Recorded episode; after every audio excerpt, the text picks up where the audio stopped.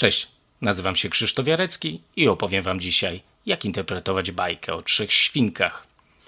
Cześć, ja nazywam się Łukasz Paluszkiewicz i powiem Wam, że lubię się czasem zatrzymać i popatrzeć w przeszłość. Zapraszamy do wysłuchania Value Stream Podcast, gdzie staramy się tworzyć wartościowe rozmowy o metodach, filozofiach i narzędziach pomagających usprawnić procesy. A wszystko to bez zbędnego napinania się. Na luzie, z humorem. Zostań więc z nami. Gwarantujemy, że warto.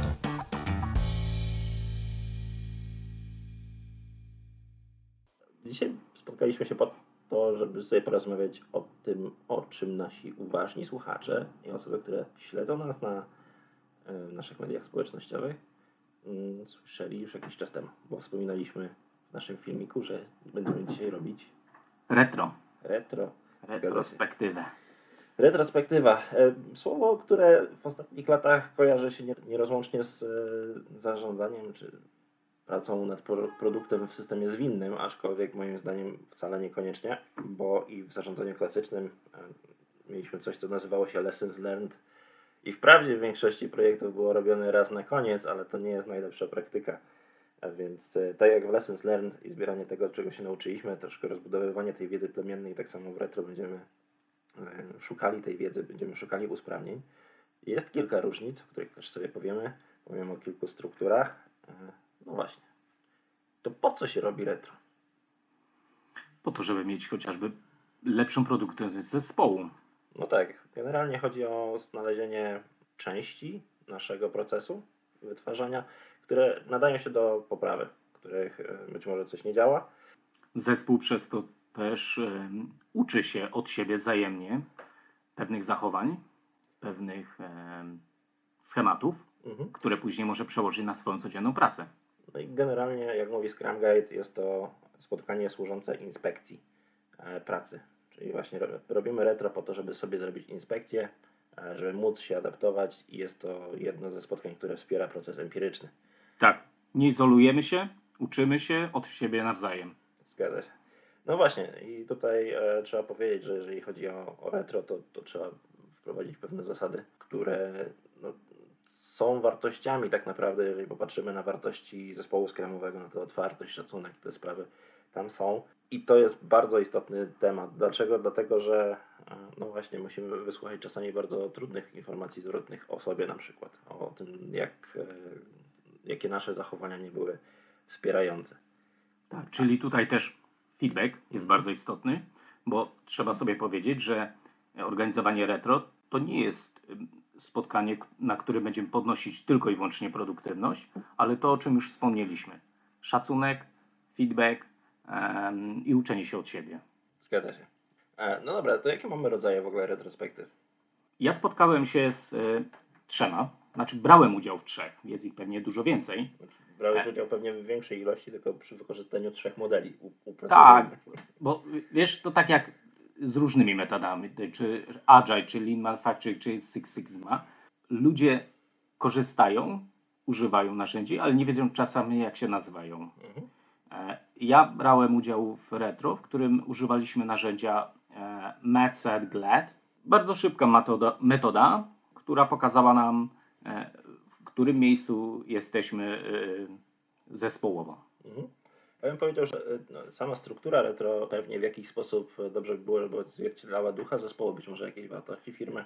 E, Spotkałem się na przykład ze strukturą e, westernową, gdzie był the good, the bad, the ugly.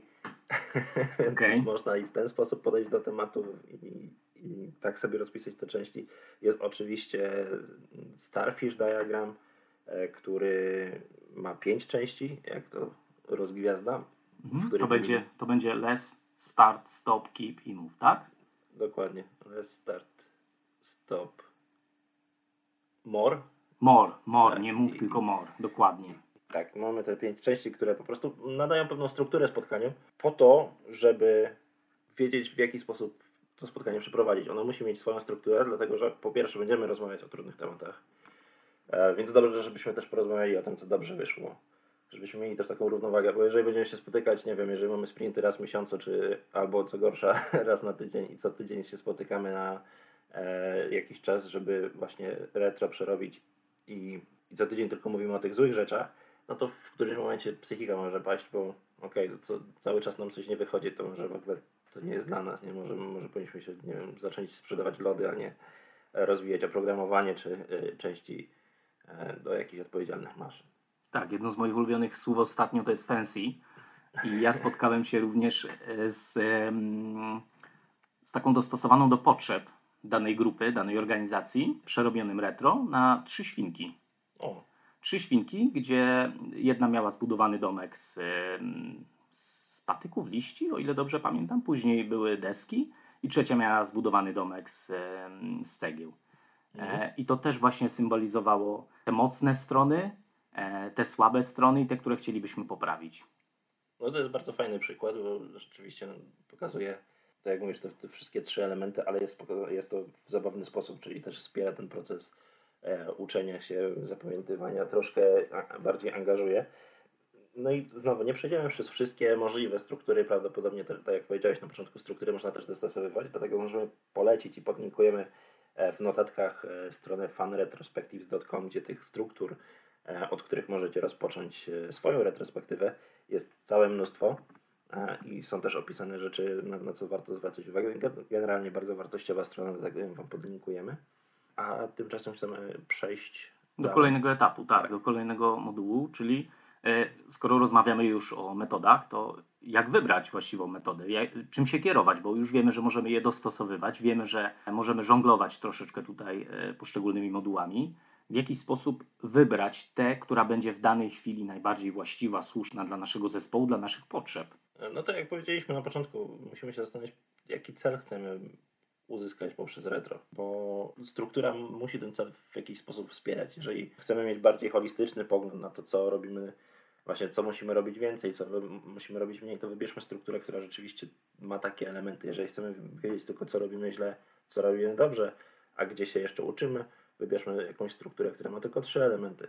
To, to jest jakby do dostosowania, plus oczywiście, tak jak wspomnieliśmy już też, e, to jest e, kwestia kultury organizacji, kultury zespołu, mhm. tego jak on jest już uzwinniony Czyli jak bardzo jest otwarty, jak duży jest ten szacunek, y, na ile możecie sobie też pozwolić w kwestii właśnie dobrania takiego westernowej, mm. westernowego modelu, y, w którym kogoś nazywamy Ugly na przykład, ktoś może się poczuć dotknięty. Tak? tak? Więc to wszystko zawsze trzeba troszeczkę wyczuć. Fajnie jest, jeżeli retro ma jakiś element e, zabawy, jakiś element odskoczni.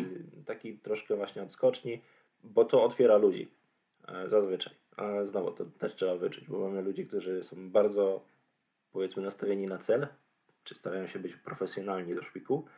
No i wtedy to niekoniecznie otwiera ludzi.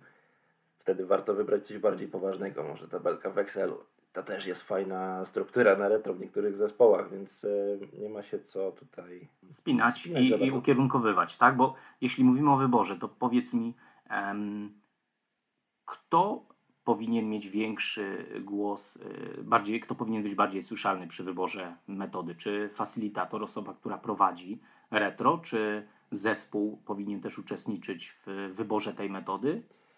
Powiem tak, zazwyczaj w organizacjach nie mamy facilitatorów do prowadzenia spotkań, więc mm -hmm. zazwyczaj to zespół wybiera i myślę, że to jest w porządku. Facilitator czy powinien wybierać? No, jak sama nazwa wskazuje, facilitator raczej facilituje, ewentualnie mm -hmm. pomaga w wyborze, e, właśnie doprecyzowując cel spotkania, doprecyzowując strukturę, e, natomiast raczej nie, nie będzie wybierał. Natomiast dotknąłeś właśnie bardzo fajnego punktu, czyli to, że czasami, szczególnie w zespołach, które miały te retro zaniedbane przez długi czas, nie, albo nie miały go wcale, to ta osoba z zewnątrz, właśnie taki zewnętrzny facilitator, zewnętrzny obserwator jest bardzo ważną osobą, która e, no, musi być częścią tego spotkania, żeby wystudzić emocje, żeby właśnie patrzeć troszeczkę z boku, żeby nie znając tej historii e, skupić się jednak na celu spotkania, bo e, jeżeli robicie pierwszy raz retrospektywę, a nigdy wcześniej ona nie była w tym zespole robiona, a zespół już troszkę ze sobą pracuje, to mogą się pojawić jakieś emocje i tutaj taka osoba z zewnątrz, to może być menadżer innego zespołu na przykład, ale chodzi o to, żeby był oderwany emocjonalnie od tego zespołu, od celów tego zespołu, żeby był właśnie takim zewnętrznym obserwatorem z oczywiście odpowiednimi też umiejętnościami. To może być bardzo, bardzo kluczowa rola rzeczywiście, która na tym e, spotkaniu powinna się pojawić. Natomiast odpowiadając na Twoje pytanie jeszcze raz, e, zespół, jeżeli będzie wybierał sobie strukturę, to myślę, że to jest w 100% fajnie, samostanowiące, e, więc wspierające też te procesy zwinne, uzwinniania zespołu. Przy czym musimy pamiętać, że zespół musi być świadom tych metod, musi być wcześniej za, zapoznany, zaznajomiony z tymi metodami, bo też miałem możliwość, yy, przyjemność uczestniczyć w spotkaniach retro, gdzie ta metoda, ta metodologia, ta, ten, ten sposób właśnie uczenia się zespołu, yy, polepszania produktywności teamu, e, no, jeszcze nie był na tak wysokim poziomie i, i to ten właśnie facylitator, ta osoba, która prowadziła to spotkanie, w jakimś sensie E, ukierunkowywała i wybierała odpowiednią metodę. Dlatego e, stąd moje pytanie, tak? Bo rozumiem, że jeśli już jest, jeśli zespół jest już troszkę na wyższym poziomie i mamy tą świadomość e, zbudowaną, to wtedy tak przyznajecie rację, że on powinien wybierać właściwą metodę. Ale chyba na początku powinniśmy zapoznać się z tymi metodami. Zdecydowanie, jeżeli, szczególnie jeżeli nie pracujemy w organizacji zwinnej, gdzie prawdopodobnie przy zwinnej transformacji wszyscy byli przeszkoleni, wszyscy znali narzędzia, e, metody, bo, bo na przykład byli czempioni stworzeni w danej organizacji dość gęsto rozsiani e, i pokazywali, jak to robić. E, zresztą w zwinnych organizacjach, najczęściej pracujących w Scrumie, mamy Scrum Mastera, który jest taką osobą, która będzie pokazywać i uczyć mhm. młody zespół tego, jak to robić. Natomiast rzeczywiście są organizacje, które na przykład pracują w projektach tak zwanych waterfallowych, chociaż ja wolę określenia zarządzanych klasycznie, gdzie no jest retro w postaci tego lessons learned. Jeżeli jest robione częściej, no to w ogóle jest super, że jest świadomy project manager czy project engineer i że te spotkania prowadzi. I rzeczywiście tam warto zacząć od tego, jeżeli już mamy takiego świadomego project engineera czy project managera, żeby nauczyć zespół w ogóle powiedzieć, jaki jest cel spotkania, dlaczego się w ogóle chcemy spotkać, dlaczego to nie jest strata czasu. Pewnego rodzaju scenariusz. Y, nie scenariusz, tylko y, agenda, agenda bardziej. Agenda, tak. I myślę, że to też warto umieścić sobie w kontrakcie zespołowym. Kontrakt, dokładnie, tego słowa brakowało. Tak, żeby, żeby wszyscy się zgodzili na to, że to są ważne spotkania, żeby zrozumieli to to nie, nie przyjdzie z dnia na dzień, tak? To jest e, zawsze jakiś proces poznawczy, jak każda zmiana, więc e, warto się nie zniechęcać, ale, ale daje to bardzo dobre rezultaty. Jeszcze chwilę chciałbym pozostać przy metodach, bo mhm. ty dla mnie jesteś e, Scrum Masterem, jesteś dla mnie wzorem, jeśli chodzi o facylitację tego typu aktywności.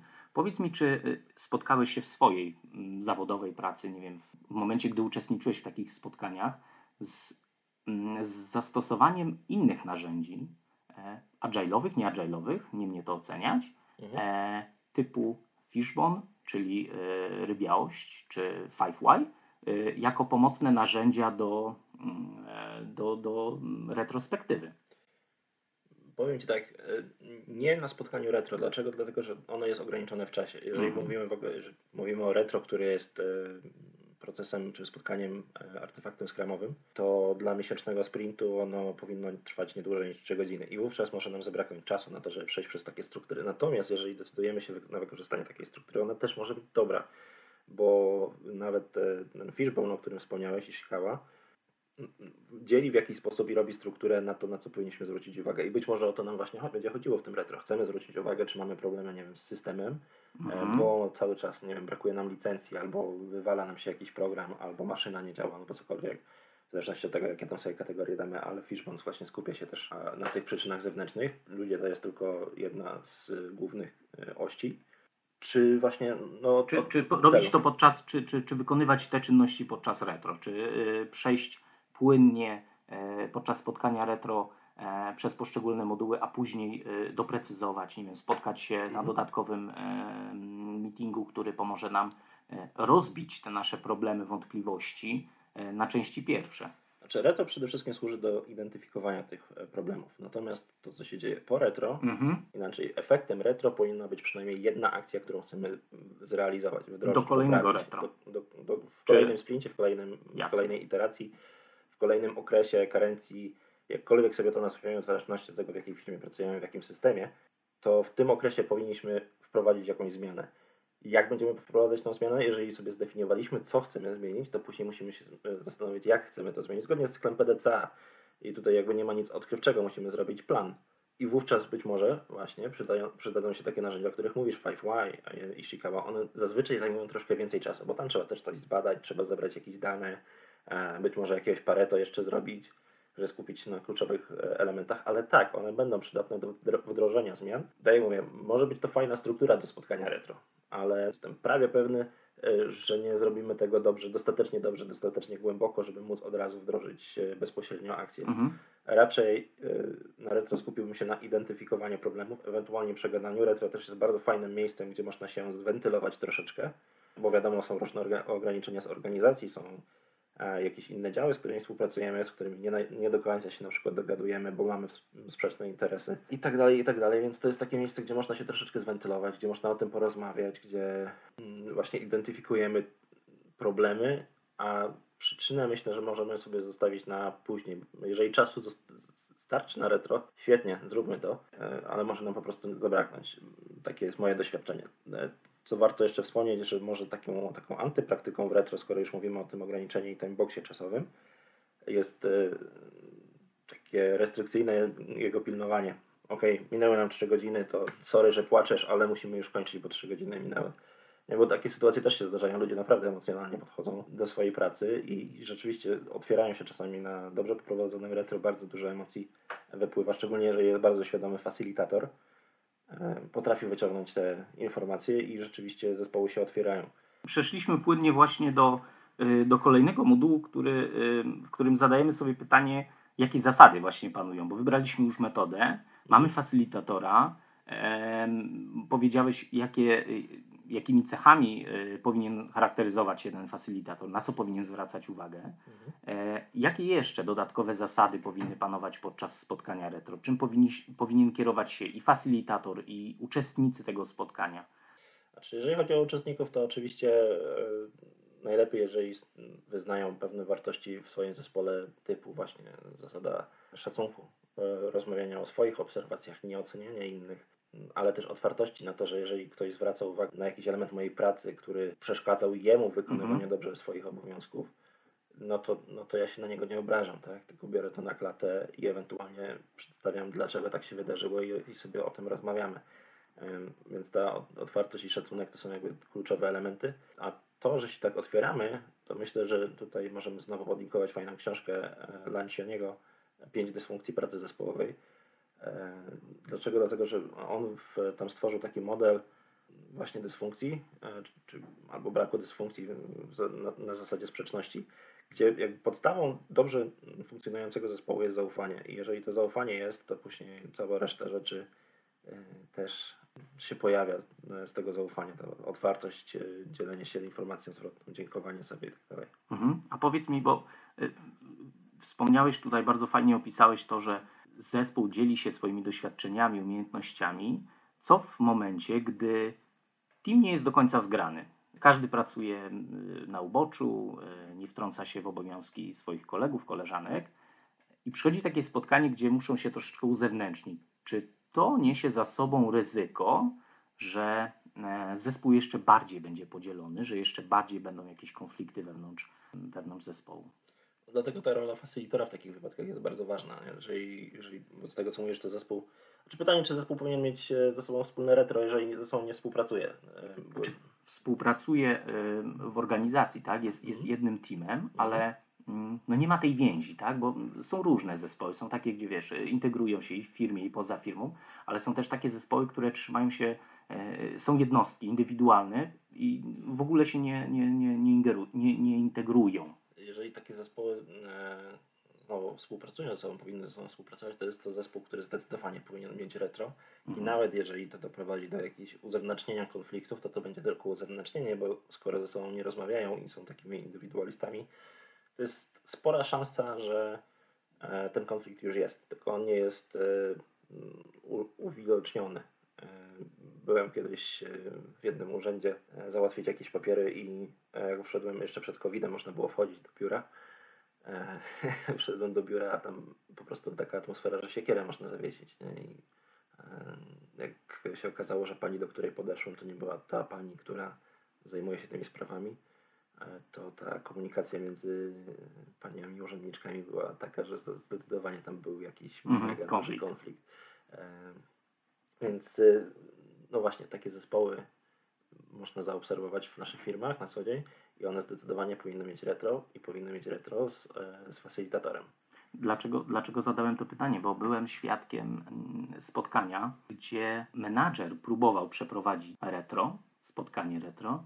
Chyba nie udało się osiągnąć celów, bo na koniec spotkania każdy wylał swoje żale, Mhm. każdy pracownik i e, atmosfera była bardzo gęsta. Mm, No i to później e, zaogniło pewnego rodzaju konflikty pomiędzy e, tymi uczestnikami retra. Także Znaczy trzeba to- też umiejętnie pokierować zespołem, to co powiedziałeś. Facylitator musi mieć e, tę umiejętność. Niemniej jednak musimy e, wiedzieć, w które tony uderzyć, aby e, wychwycić e, te, te, te kluczowe aktywności, które chcielibyśmy później podjąć. Ja bym powiedział tak, ja nie byłem na tym spotkaniu, więc ciężko mi się odnieść tak zero-jedynkowo, ale prawdopodobnie tam poszło coś e, grubo nie tak, nie w tą stronę, bo mimo iż ludzie się uzewnętrznili, co jest pozytywną cechą, to pytanie też w jaki sposób to komunikowali. Bo to, czy powiedziałem, ta komunikacja powinna być e, z komunikatem ja. To są moje obserwacje, e, a nie, że ty jesteś głupi, przepraszam za, za, za to, co Mhm. powiem teraz, ale zjebałeś. No, to nie są, to jest uzewnętrznianie się, ale to jest agresywny komunikat. Nie? Raczej facylitator, jeżeli już, to właśnie takie e, elementy by stopował. Robił rephrase, że tak powiem, w kwarze środkowo-mazowieckiej na ten język e, obserwacji, na ten, na ten komunikat ja. Wtedy mm, mielibyśmy czyste obserwacje, a nie ataki, nie mielibyśmy konfliktu między ludźmi, tylko mielibyśmy akcje, które musimy przerobić, które musimy sobie spriorytetyzować i zacząć nad nimi pracować. I myślę, że tutaj był ten problem. Natomiast samo otwarcie się, no właśnie, nie gwarantuje tego, że retro będzie skuteczne. Tak, to retro ewidentnie poszło w złym kierunku i relacje, które były później, no, ciężko było odbudować. Mhm. Mhm. Mm, No dobrze, to powiedz mi, Łukaszu, y, jakie działania powinniśmy podjąć w trakcie mm, prowadzenia retro, po przeprowadzonym retro? Powiedziałeś już o, o cyklu PDCA, powiedziałeś już o liście zadań, które powinniśmy, przynajmniej jedno zadanie, które powinniśmy sobie przypisać po takim spotkaniu. To powinien być przypisany do tych zadań, czy, czy osoby z zespołu, czy możemy przypisać, często się zdarza tak, że osoby nieobecne również dostają jakieś zadania, czy tutaj też taka reguła obowiązuje? Jak najbardziej tak, no wszystko zależy od tego, co znaleźliśmy, co jest naszym kluczowym punktem, który chcemy usprawnić e, w kolejnej iteracji, w kolejnej karencji. Bo może się okazać, że problem jest rzeczywiście jest jakimś procesem IT, że etykiety są Mhm. za długo rozwiązywane. Często się, to, często się zdarza, że y, na, szczególnie na pierwszych y, spotkaniach retro staramy się odejść od tego, co, co mnie boli najbardziej, na zasadzie mm, co chciałbym w swojej pracy poprawić, tylko widzimy, e, jak to się mówi, Zło źdźbło, tak, tak, dokładnie. I właśnie widzimy, zazwyczaj IT dostaje w pierwszej kolejności, jeśli chodzi o pewnego rodzaju aktywności usprawnienia. Zgadza się. Ja generalnie jestem fanem przypisywania akcji do osób, których nie ma, mimo iż na przykład akcja będzie musiała zostać wykonana jakoś w zespole IT, to jednak ktoś z naszego zespołu musi do tego zespołu IT pójść. A Więc e, moim zdaniem nadal dobrą praktyką jest przypisywanie akcji, e, zakładając oczywiście, że cały zespół uczestniczy e, w retro do osób, które są w naszym zespole. Czyli warto przed takim spotkaniem zrobić sobie przypomnienie matrycy RASI. I tak i nie. Znowu, to zależy od organizacji. Jeżeli masz organizację, w której ta silosowość jest dość duża, to pewnie jest to w jakiś sposób pomocne.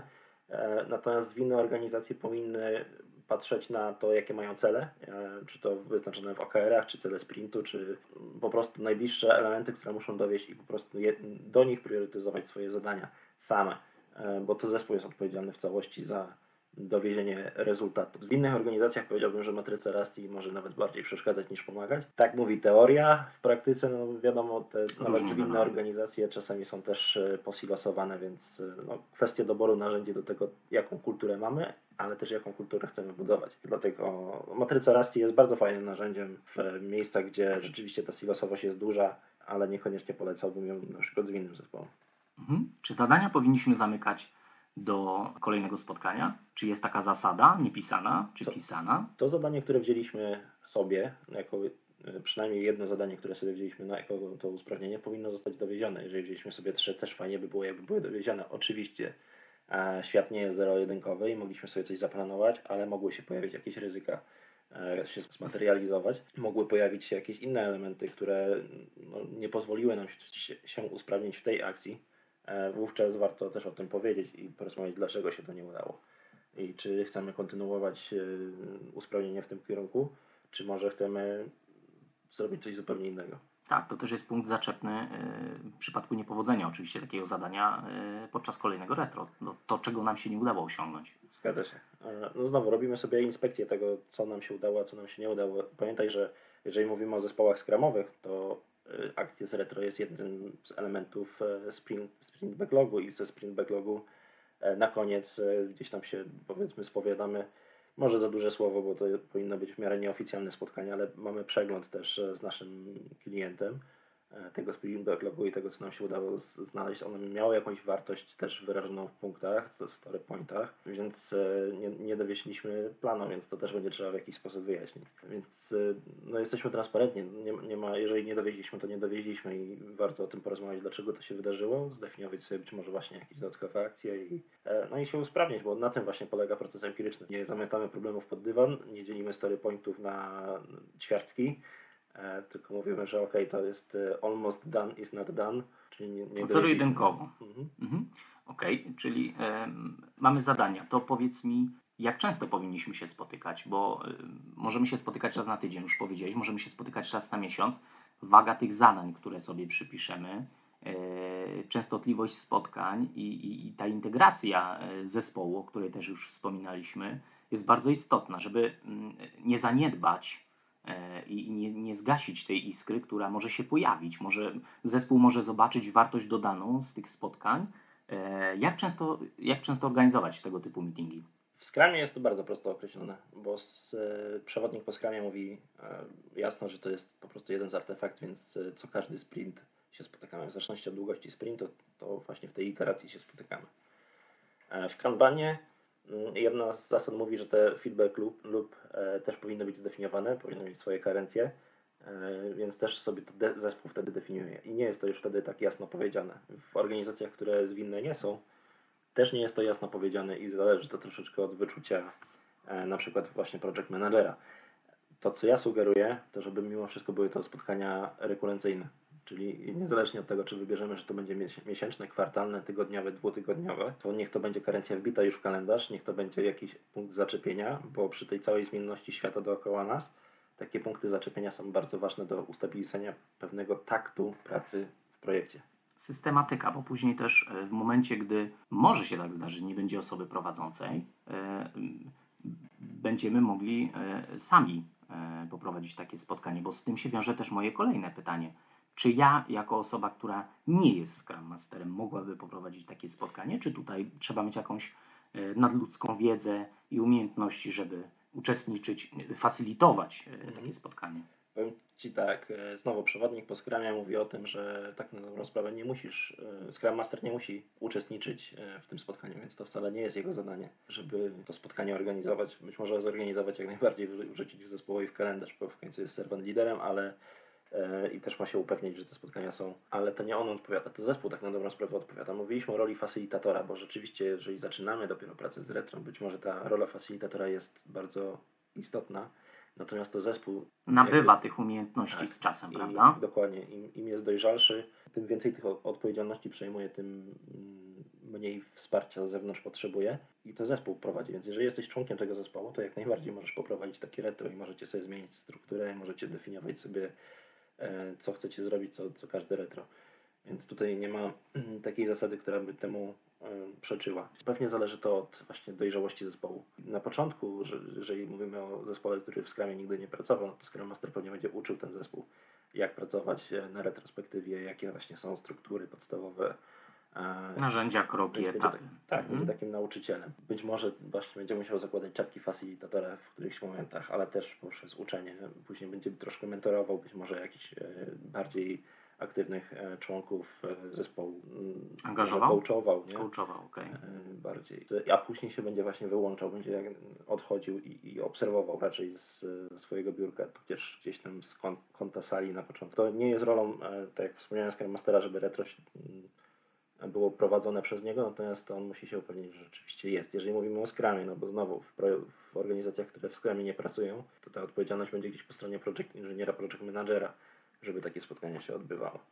Myślę, że fajnym rozwiązaniem też w momencie, gdy zespół osiągnie już dojrzałość, świadomość narzędzi, metodologii, świadomość swoich umiejętności w zespole, fajnym rozwiązaniem byłoby wymienianie się facylitatorem. Osobą prowadzącą. Tak, osoba, żeby w danym e, okresie, w danym czasie facylitatorem była zupełnie inna osoba z zespołu, bo to też e, zacieśnia więzy, ale też pokazuje poprzez inność charakteru podejścia, jak moglibyśmy rozwiązać te zadania. Ja bym przestrzegał przed nazywaniem takiej osoby, osoby facylitatorem, bo ona raczej prowadzi spotkania, jest liderem spotkania, ale tak, taka osoba mogłaby się wymieniać jak najbardziej, tutaj potwierdzając Twoje słowa. E, Natomiast chciałem podkreślić, że to nie będzie facylitator, dlatego że członek zespołu jest związany emocjonalnie z zespołem, jest związany emocjonalnie być może z produktem, z procesem, w którym pracuje, więc nie może patrzeć na to e, takim chłodnym okiem e, i się zdystansować ostat- dostatecznie, żeby móc być nazywany facylitatorem.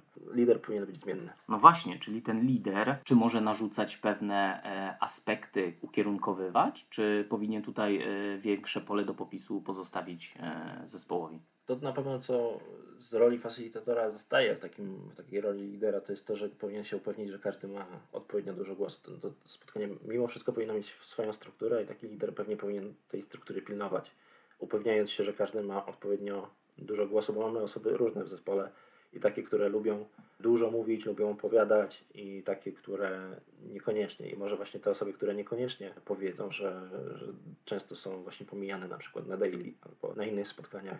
To będzie bardzo ważny punkt, e, który można by było wyciągnąć e, jako akcję usprawniającą, żeby upewnić się, e, że osoby, które nie mają takiej siły przebicia, są może troszkę bardziej introwertyczne, miały na każdym spotkaniu swój slot, gdzie mogą wypowiedzieć swoje opinie albo przynajmniej zosta- zostać o nie zapytane, więc odpowiadając krótko, taki lider tak będzie prowadził spotkanie w taki sposób, żeby upewnić się, że wszyscy mają możliwość wypowiedzenia się.